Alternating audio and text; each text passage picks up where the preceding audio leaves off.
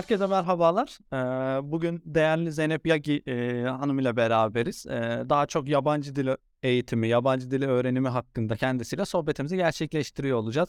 Eee, öncelikle zaman ayırıp eee, aramıza katıldığınız için, eee, bizimle buluştuğunuz için çok teşekkür ederiz Zeynep Hanım. Dilerseniz önce sizin hakkınızda bir şeyler duyalım, dinleyelim. Onun üzerinden sorularımıza geçelim Zeynep Hanım. Çok teşekkür ederim davetiniz için. Benim en önem verdiğim, en sevdiğim, böyle heyecanla her yerde hep anlattığım yaşamımın bir parçası olan dil öğrenme konusunda beni davet ettiğiniz için öncelikle teşekkür ederim. Şimdi benim bu dil öğrenmeyle ilgili maceram, öğrenmem, öğretmem falan aslında bayağı uzun. Kısa keseyim sizler için, biraz özet geçeyim. Eee, uzun yıllar ben Türkiye'de eee, İngilizce okutmanı olarak çalıştım. Çok çocukluktan beri benim, eee, şimdi bizim çocukların olduğu gibi tabii bu kadar şanslı değildik. Sizler gibi genç de değilim ben. Biz böyle 80'lerde dil öğrenirken zorluklar çekmiş ama bir şekilde de iyi öğrenmiş de bir nesiliz aslında. İlginç bir şekilde. Ben eee, Samsun'da, Samsun Anadolu Lisesi'nde doğup, şey eee, okuyup orada öğrendiğim İngilizceyi şu anda İsviçre'de, Zürih'te kullanan, Eee, ne bir insan düşündüğü zaman nereden nereye diyebileceğimiz bir macera, eee, dil öğrenme yolunda büyük emek gerektiren bir macera ve emek ve çalışma ile geçti hayatım. Eee, Türkiye'de uzun yıllar İngilizce okutmanı olarak çalıştım. Orada İstanbul Üniversitesi İngiliz Dili Edebiyatı mezunuyum. Yüksek lisansımı da Yıldız Teknik Üniversitesi'nde yaptım İngilizce öğretmenliği üzerine. Ve İngilizce öğretmek, öğrenmek benim tutkum ve bana çok kapılar açtı. Eee, İsviçre'de de 15 senedir yaşıyorum. İsviçre vatandaşıyım. Aynı zamanda da burada bir devlet okulunda eee, çalıştığım okulda çalışan tek Türk'üm. Herhalde 100 senelik tarihindeki ilk Türk'üm bu arada. çok köklü ve eski bir okul. Eee, bilinen bir köklü eski bir okul. Ve eee, yani ilk ve tek Türk'üm diyeyim. Eee, ve İngilizce öğretmeni olarak orada çalışan, yani böyle değişik bir profil onlara da değişik bir profil olarak geliyor. Uzun yıllar İsviçre'de de ben uluslararası okullarda çalıştım. 18 yaş üstü uluslararası üniversitelerde çalıştım. İki tane küçük çocuğum var. Onlar çok dilli. Eee, biri 4 yaşına basacak, biri 9 yaşında. 9 yaşındaki kızım eee, uzun bir süredir eee Novakit'te çalı- eee, çalışıyor. Novakit'ten İngilizce öğreniyor. Eee, onu da eee, çok dilli yetişmesine, bizden dili kapmasına rağmen bir noktada benim artık eee, anne öğretmen rolünün birbirine karışmasını istemememden ve daha profesyonel olmasını istediğimden öyle bir yola girdik. Ufaklık da arada onun arkadan girip takip ediyor. Yani çok dilli, çok kültürlü, eee, farklı farklı dillerin konuşulduğu bir ev ve bir aile ortamımız var. Bir de iş ortamımız var. Üçüncü dilimiz, yani benim üçüncü dilim Almanca. Onu da yetişkin yaşta öğrendim. Onun da zorluklarını gördüm. O da bambaşka bir hikaye. Dilerseniz onu da ileride konuşuruz. İşte hani Almanca, İngilizce yakınlığı, Türkçe, İngilizce yakınlığı, uzaklığı. E, bütün bunları tecrübe etme imkanım oldu. Hala son hesapladığımda da e, ders verdiğim öğrenci sayısı 3000'i geçmiş 4000'e doğru gidiyordu. 24 senelik bir eğitim tecrübesi işte 3 tane değil. Böyle kısa anlatmam gerekirse. Ya temel olarak aslında şeyi de merak ediyoruz. Hani İsviçre'deki dil öğretimi, eğitimi vesaire onları da merak ediyoruz ama onları böyle ilerleyen sorularda seve seve. sormak istiyorum. Önce isterseniz bu yabancı dil öğreniminde özellikle e, siz de fazlaca tecrübe ettiniz, Almancayı sonradan öğrendiniz. Sizin yorumlarınız çok değerli olacaktır. Hep insanların aklında şöyle bir e, belki ön yargı, belki tereddüt oluyor. Yabancı dil öğrenmede bir yaş sınırı var mıdır şeklinde.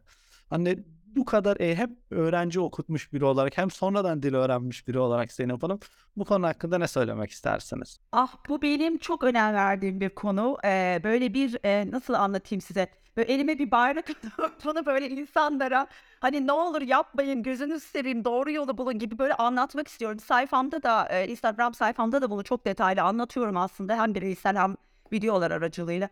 Ben e, İngilizceyi 11 yaşında öğrendim. Keşke 4 yaşında öğrense, öğrenme imkanım olsaymış. Keşke e, oğlum gibi 2 yaşında, kızım gibi 1 yaşında, 2 yaşında duyma imkanım olsaymış.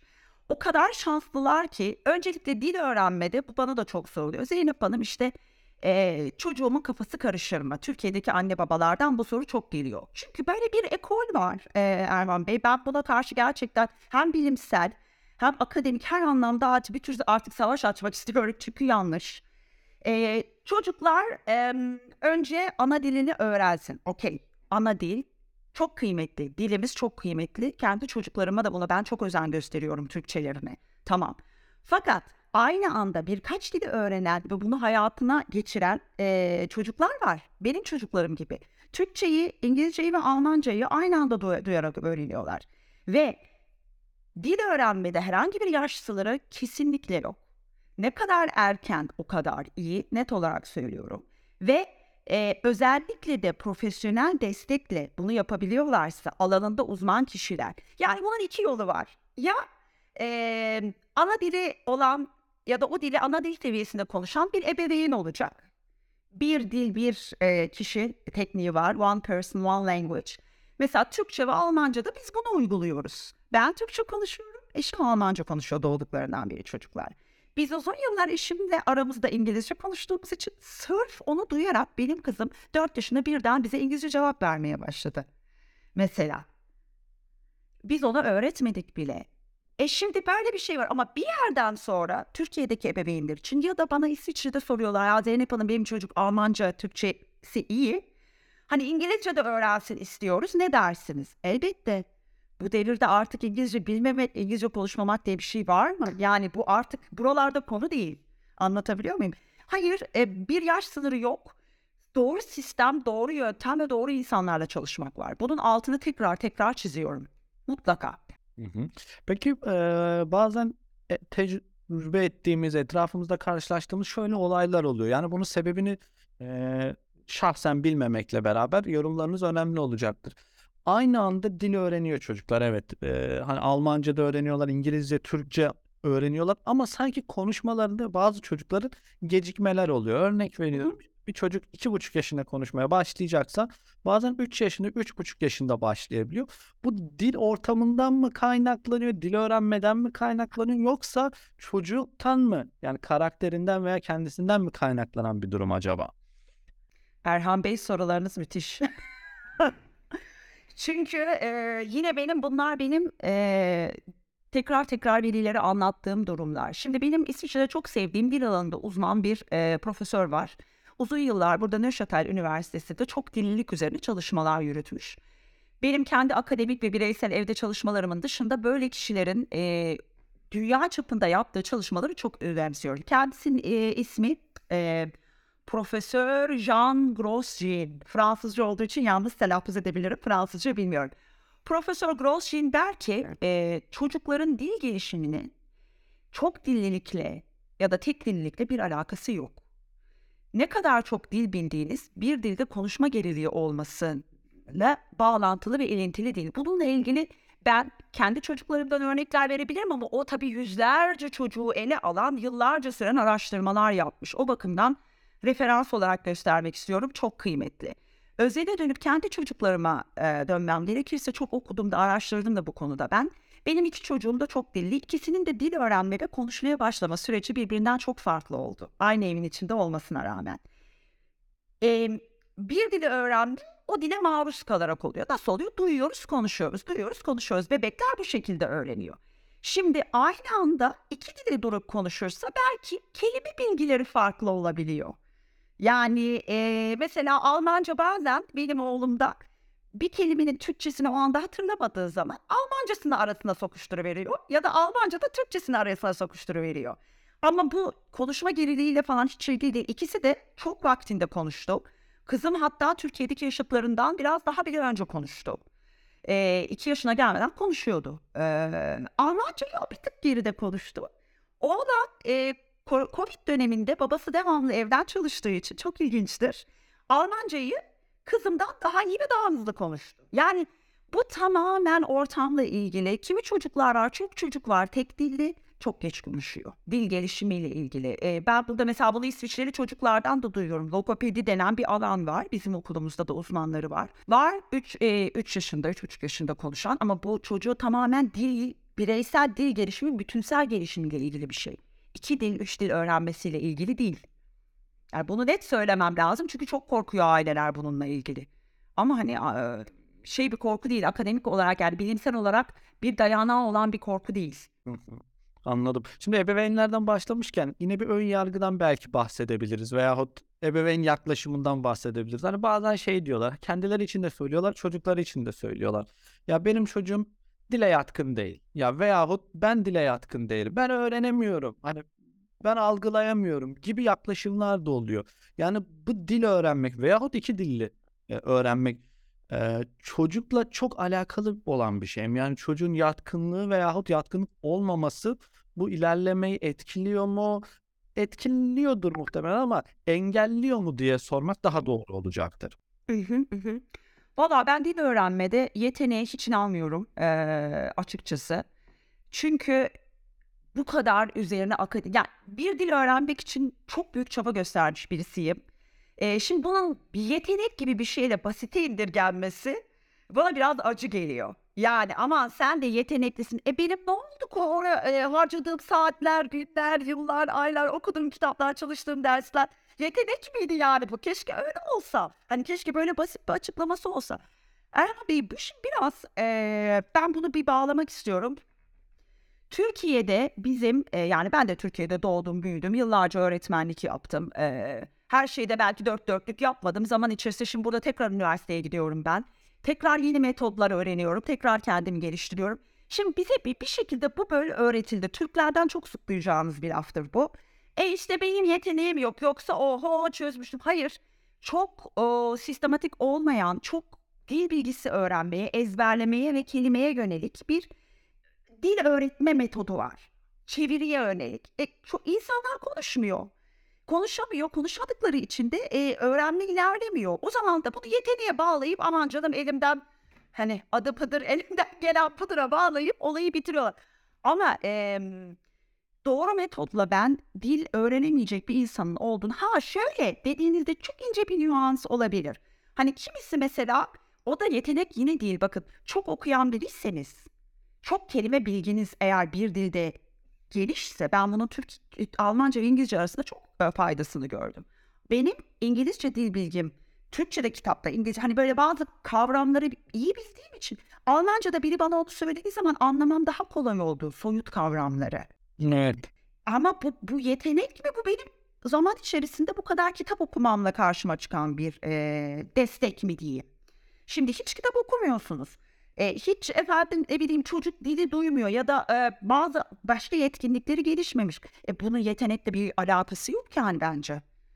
E, evet. Anladım. Süper. Şimdi konu konuyu açıyor. Aklıma farklı bir soru da geldi. Kendimden de belki örnek vermiş olacağım ama siz ne düşünüyorsunuz? Bir dili öğrenmiş olmak, ikinci dili öğrenmeyi kolaylaştırıyor mu? İki üçü kolaylaştırıyor mu? Yani ben kendimde hissettiğim kolaylaştırdığını hissediyorum. İşte ana dili öğreniyorsunuz, İngilizce öğreniyorsunuz. Ben üstüne Rusça öğrenmiştim. Şimdi sizin gibi Almanca'ya başladım vesaire. Birbirine çok ekliyorlarmış gibi hissediyorum ve ilerledikçe daha kolay geliyor bana. Ama bu bireysel bir şey mi yoksa genelde böyle mi? E, bir fikrim yok açıkçası. Hani siz de sürekli dil öğreniyorsunuz, çocuklarınız dil öğreniyor. Hepsinden önce dil öğretiyorsunuz. Ee, bu gelişimi nasıl görüyorsunuz, değerlendiriyorsunuz? Evet, bu da güzel bir soru. Buna ben de uzun süre kafa yordum açıkçası.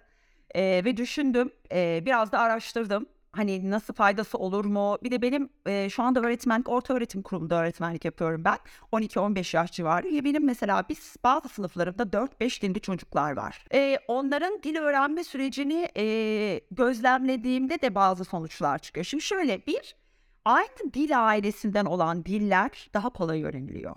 Şimdi burada biz Türkler olarak çok avantajlı değiliz. Bir dil ailemiz Türkçe, Fince, Korece ve Japonca. Bunlar sondan eklemeli diller.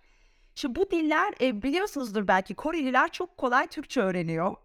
Ve çok hızlı. Ve Türkler de aslında Korece kolayca öğreniliyor. Benim çok Koreli öğrencim de oldu. Bir bakıyorsun çünkü gramer, dil bilgisi yapısı birbirine benziyor. Mantığını algılayabiliyor insanlar. Bu. Ve aynı şekilde İngilizce bilenler Almanca çok daha kolay öğreniyor. Almanca bilen çocuklara baktığımda İngilizce o kadar çok benzer kelime var ki. Hani o da var. Siz de göreceksiniz şimdi. Hani İngilizce bazı kelimeler Almanca'ya o kadar yakın ki o size yardımcı olacak o bağlamda. Doğru. Ama Rusça bambaşka bir dünya. Rus öğrencilerim de oldu. Bambaşka dil yapısı değil. Başka düşünüyor insan falan. Ee, tabii bir de şunu unutmayın. Dil öğrenmeyi öğreniyoruz. Doğru. Yani bu bir sanki spor gibi nasıl hani bir sporu yapan birisi başka bir spora başladığında sıfırdan başlamıyor. Hani bir e, spor altyapısı oluyor, bir vücut ona alışkın oluyor. Ona göre Ama alakasız atıyorum yüzmeyle bambaşka bir sporu bir araya getirirseniz ikisinde hani birbirine süper destek kondisyonu oluyor yine de öyle düşünün. Kondisyonlu oluyoruz. Çok çok haklısınız. Bu açıdan bakmamıştım. Doğru. Dil öğrenmeyi öğrenmek bile gerçekten başlı başına farklı bir bakış açısı. Ee, evet haklısınız. Şimdi biraz İsviçre'ye dönmek istiyorum müsaadenizle Zeynep Hanım. Hani Türkiye'de e, ki dile bakış açısıyla İsviçre'de dile bakış açısı belki dil öğrenmeye bakış açısı arasında farklılık hissettiniz mi? Hani e, bu İsviçre'de nasıl yorumlanıyor, Türkiye'de nasıl yorumlanıyor? Neler söylemek istersiniz? Şimdi ben eee, Türkiye'de çok öğretmen arkadaşımla eee, iletişim halindeyim. Ve hani şey çok sağ olsunlar yazıyorlar bana işte örnekler veriyorlar, anlatıyorlar. Birebir Türkiye'de değilim ama gittiğim zamanlarda da eğitimler de veriyorum. İşte sohbetler de yapıyorum öğretmenler, öğretmen arkadaşlarla. Şimdi Türkiye'deki e, ya ders saatlerimiz o kadar farklı ki ben buna da çok kafayı yordum. Çünkü Türkiye'de 15 sene kadar çalıştım. Şey özür dilerim 10 sene kadar çalıştım. Diyordum ki ya bu çocuklar 15 saat, 20 saat, 30 saat ders alıyor. İşte hello diyorsun, how are you diyemiyor. Yani bu nasıl olabilir? Yani ya da anaokulundan beri ders alıyor. Çok iyiler de var. Yani burada olumsuz bir şey söylemek istemem. Ben de Türkiye'de öğrendim İngilizceyi. Ee, şükür güzel de öğrendim. Konu o değil ama herkesin öğrenmesi lazım bu kadar dil saatiyle. Olmaz yani. Aradaki fark, şimdi biz çok sınav odaklıyız. Aşırı derecede sınav odaklıyız. Ve eee, bir şekilde kelime ezberlemek, yani burada da bunu yapan biraz böyle devlet okulu zihniyetinde, biraz böyle hani eee, nasıl söyleyeyim, eee, eski kafa kalmış öğretmenler burada da bulunabiliyor ama üniversitelerde eee, geçenlerde bir eee, hocayla mesela görüştüm, beni ziyarete geldiler.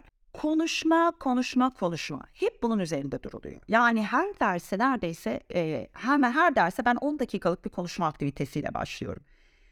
Konuşma işin temeli. Bir de şimdi unutmayalım eee, eskiden bunlar yoktu dedim ya ben de yani tarihi çağlarda İngilizce öğrendim.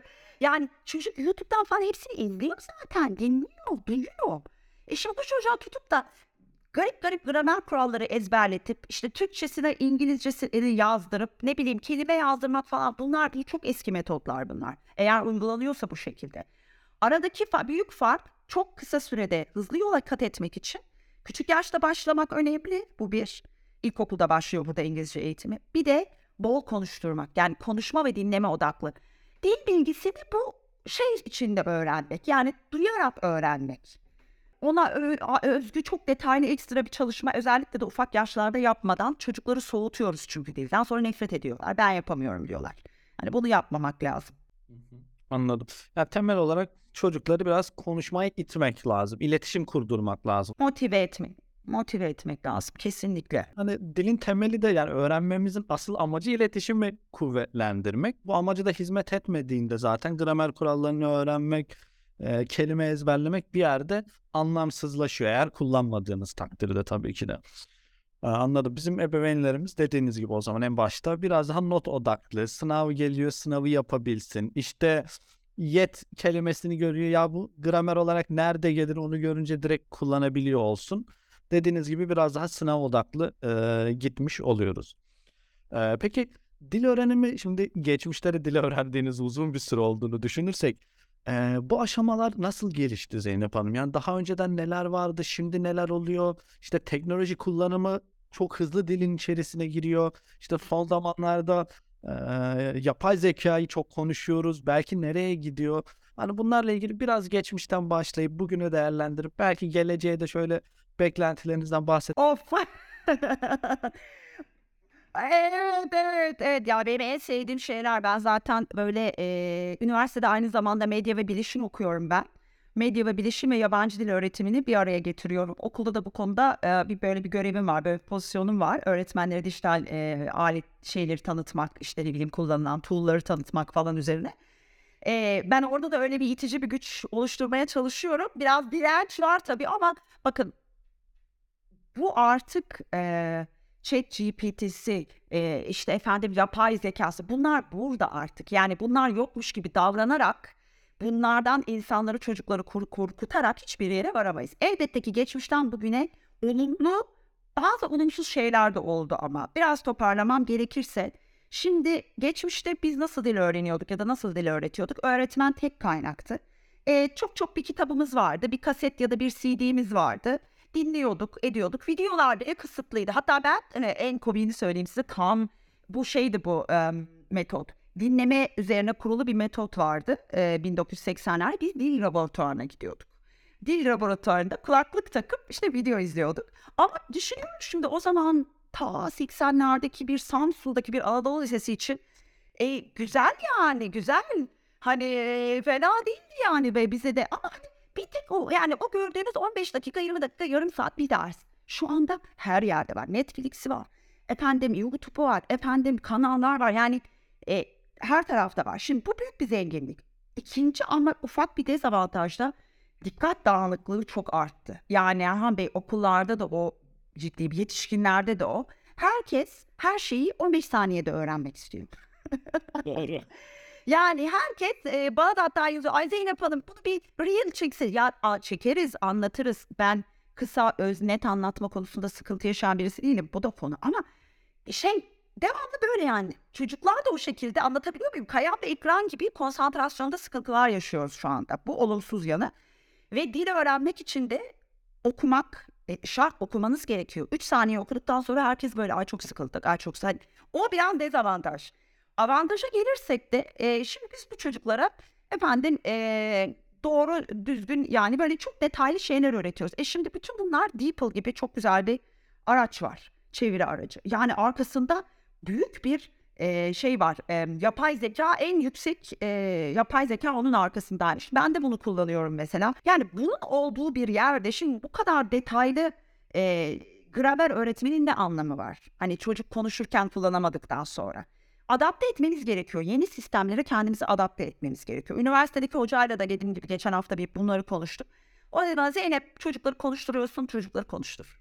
Şimdi de yapay zeka çıktı. Sonunda bir proje yazmak istediklerinde bunu ona yazdıracak bunlar zaten.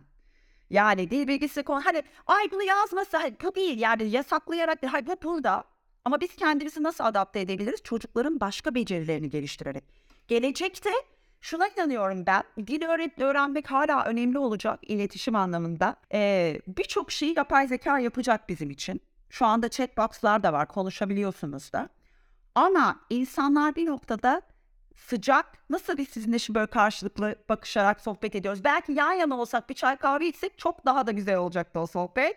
Yani bunu arıyoruz çünkü insanın doğasında bu var. Yani dil öğrenme işi aman e, o şey 100 yıldır var. İşte artık kimse dil öğrenmeyecek, çip takılacak falan. Bu- Bunlar olmayacak yani. Öğretmenlere de ihtiyaç olacak çünkü insanlar o sıcaklığı arayacak. Bizim yapımızda var çünkü. Ve ama ne olacak şekli değişecek. Gelecekte artık bu o, kelime ezberleyelim. Gramer bundan artık iyice uzaklaşılacak bence. E, yine de e, konuşma üzerine daha algılama konuşma ama çocuklarımız da biraz da hani böyle analog tarafını da destekleyerek kitap okumalarını falan destekleyerek hani orada da bize biraz ebeveyn öğretmen olarak görev düşecek. Hani ver bakalım o telefonu hadi oku bakalım kitap bunu da yapacağız yani. Yapmamız lazım. Bilmiyorum cevap verebildim mi ama. Ay, tabii, çok güzel oldu Zeynep Hanım. Bu arada konuşurken yine aklıma farklı bir konu takılmış. Tabii tabii. Hani ben dil öğrendiğim için kendimi de sorguluyorum sürekli. Tabii. Genel olarak hep şunu sorguluyoruz. Yani dil öğrenimde benim hissettiğim iki kutup oluşturuyoruz. Bir diyoruz ki işte geleneksel işte kelime ezberleyen, gramer öğrenenler diyoruz. Hı hı. Bir grupta da işte konuşmaya ittiğimiz, onları zorladığımız hep böyle konuşma üzerinde bir kutup oluşturuyoruz. Acaba e, kitap okumayı, yabancı dilde seviye seviye okumayı biraz göz ardı mı ediyoruz veyahut ben mi öyle hissediyorum? Bu okumanın da dil öğrenimindeki yeri sizce veya dağılımı nasıl olmalı? Bununla ilgili ne düşünüyorsunuz? Hı hı. Şimdi aslında burada dört yetkinlik var biliyorsunuz. Okuma, dinleme, yazma ve konuşma. Dört yetkinlik. Şimdi biz biraz teknolojiden yazma kısmında destek alacağımızdan bahsettik. Okey. Ama tamamen de bu bütün şimdi bu bir motor becerisi de elinize alıp yazdığınız, not aldığınız bir şeyin beyninizle, zihninizle, hafızanızla olan iletişimi bambaşka. Dil öğreniminde de öyle. Yani ben burada söylediğim yanlış anlaşılmasın. Aman yapay zeka bizim için her şeyi yazacak. Biz artık bundan sonra not almayalım değil. Bence insan olarak bu yetkinliğimizi de tamamen kaybetmemeliyiz. Dört beceriye de yeri geldiğinde yer vermek gerekiyor. Ha ben e, sınıfımda mesela e, yazı testi yani yazıyla ilgili sınavlar da yapıyorum. Bazen diyorum ki mesela çok klasik, süper modern ama çok klasik. Diyorum ki herkes bir beyaz kağıt çıkarsın. Çıkartıyoruz bir beyaz kağıt ya da İngilizce defterle var. Şimdi diyorum işte şu konuyla ilgili yazın. Yarım saatiniz var. Onu da yapıyorum. Çünkü o da bir etkinlik. Yani o da tamamen ama hani çocuktan tutup devamlı bunu yaptırmak ya da devamlı işte ne bileyim aman sen easy yazarken de işte yanlış yazdın. Bilmem ne buna bir tek odaklanıp da işte iki sohbet edememek de doğru değil. E, yazmak, okumak çok önemli. E, bir de okumak bu çocukların dediğim gibi bu dijital e, dünyadaki e, İsviçre'de buna çok önem veriyorlar bakın. Dijitallik okullara çok fazla girmedi. Aradaki dengeyi biraz bulmaya çalışıyoruz. Dinginleşmek, konsantrasyon, sakinleşmek, bir şeyi okumak, anlamak ve yorumlamak. Şimdi yapay zeka bizim için bunu bir yere kadar yorumluyor ama doğru bilgiyi yine bizim vermemiz gerekiyor. Yani insan hala burada. yani bizim için hala her şeyi yapmıyor. O yüzden de evet bu iki yaklaşım biraz bazen böyle uça gidebilir gibi görünüyor. Biraz bu şey Amerikan yaklaşım. Ben Amerikalılarla uzun yıllar çalıştım. Hep konuşma üzerine. Orada gramer çok zayıftır mesela bazı durumlarda. Üniversite öğrencileriyle de çalıştım. Onlarda da yazı mesela zayıf. ilginç bir şekilde. Ama iki uç olmaması lazım. Çok doğru söylüyorsunuz. Dinleyecek de, konuşacak da, yazacak da, okuyacak da. Hepsinin olması lazım. Çünkü hepsinin birbirine faydası var. Hepsinin birbiriyle etkileşimi var. Evet, haklısınız. Anladım. Ee, aklıma gelenler bu kadar aslında Zeynep Hanım. Sohbetlerimiz, merak ettiklerimiz çok şey de konuştuk e, bir yerde. Ee, bunların hepsini böyle bir toparlamak isterseniz dil öğrenimi hakkında belki çocuklara, belki ebeveynlere, e, yetişkinlere hani ne tavsiye etmek isterseniz böyle kapanış cümlesi olarak ne söylemek istersiniz? Herkesin aklında kalacağı şekilde. Evet. Yani bunu bana e, son zamanlarda şimdi böyle yeni çıkan akımlardan e, insanların kendi kendine dil öğrenmeye çalıştığını e, gözlemliyorum. Bence bunun altını tekrar tekrar çizmek lazım. E, YouTube kanalı var mı Zeynep Hanım? İşte bize önerin çocuğum İngilizce öğrensin. Şimdi arkadaşlar dil öğretmenleri e, yeri geliyor yıllarını, hayatlarını, ömürlerini bu dili öğrenmek ve öğretmek için harcıyorlar. Benim için hem ebeveynlere hem yetişkinlere kendiniz bazı becerilerinizi bir takım dijital kaynaklarla destekleyebilirsiniz. Bir şey dinleyerek dinlerinizi değiştirebilirsiniz. İşte birisiyle konuşarak ama profesyonel mutlaka hem çocuklarınız için hem kendiniz için profesyonel kişi ve kurumlarla çalışın. Bu çok önemli. Ve alanında çok pardon uzman olan kişilerle çalışın. Çünkü e, dil öğrenmenin sistemini bir tek onlar biliyor. Yani şimdi mesela ben ana dilim Türkçe, Türkçe öğret deseniz onun için benim ayrı çalışma yapmam lazım. Evet. Ayrı çalışma yapmam lazım. Çünkü ben İngilizce öğretmeniyim. Yani bu, bu çok önemli. 3 yaşında 5 yaşında bir çocuğa e, konuşarak çocuklarına dil edindirmek isteyenler var. Okey bu doğal dil edinim yöntemi ama iş yine öğretme kelimesine geldiği zaman benim dediğim gibi bakın ben kızımla uzun yıllar bizden değildi etti falan filan. Daha sonra ama düzenli, disiplinli ve nasıl diyeyim size sistematik bir şekilde öğrenmesi için ben de onu bir kuruma yönlendirdim. O da işte ders alıyor. Ee, ben bence bir dil öğretmeni olarak bunun üstüne başka hiçbir şey söyleyemem yani herhalde. Kendi yapmadığım bir şeyi kimseye tavsiye etmem. Lütfen doğru kişilerle doğru zamanda e, doğru şekilde çalışsınlar. Ha bir de mucize beklemesinler olur mu? Bu da çok önemli. Evet. Dediğiniz gibi böyle bir anda hemen öğrenmek, istemek, bir anda yüklenmesini beklemek e, çok akılcıl da olmuyor gerçekten. Her ne kadar teknoloji gelişiyor olsa da e, hani eskilerin tabiriyle böyle biraz dirseği e, zorlamak gerekiyor. Dirsek çürütmek gerekiyor tabiri caizse. Yani parantez içinde de emek vermesi gerekiyor herkesin. E, ne kadar teknoloji olsa da hiçbir şey e, hop diye akıllarımıza, beyinlerimize yüklenmiyor. Evet, daha çip yok. Çip Daha, daha, daha çip yok onu bekliyoruz. Yok o zaman bizim işi bir ise bizim gibilerin her zaman işi olur. Biz çünkü e, sizler de öyle. Hani yaratıcı kendini geliştirmeye çalışan insanlarız. O yüzden bizim her türlü işimiz olur ama çocuklarımıza iyilik yapalım. Hani onlara örnek teşkil edelim. Çok doğru. E, emek bir de biraz zorlansınlar ki hayattan iyi bir şeyin bedelini değerini almasınlar yani. Böyle konserve içinde çocuk yetiştirmenin bir anlamı yok. Yani siz de uzmanlarla konuşuyorsunuz. Sonra en ufak zorlukta hemen bırakıyorlar biliyor musunuz? Pes ediyorlar yani. Böyle bir nesil e, birazcık zorlanmaları lazım bence. Tamamdır. Zeynep Hanım çok teşekkür ediyoruz. Ayağınıza sağlık, ağzınıza sağlık. Bizimle geldiniz, bilgilerinizi, yorumlarınızı paylaştınız. Çok değerliydi. Eee, inanıyorum ki izleyicilerimiz, dinleyicilerimiz için de çok değerli, eee, olmuş olacak. Eee, tekrardan ayağınıza sağlık. Çok teşekkür ederiz. Ben teşekkür ederim. Böyle bana bir platform sunduğunuz için ve aklımdaki her şeyi rahatlıkla anlatabildiğim için. Çok teşekkür ediyorum. Tekrar görüşmek üzere o zaman. Görüşmek Teşekkürler. üzere efendim.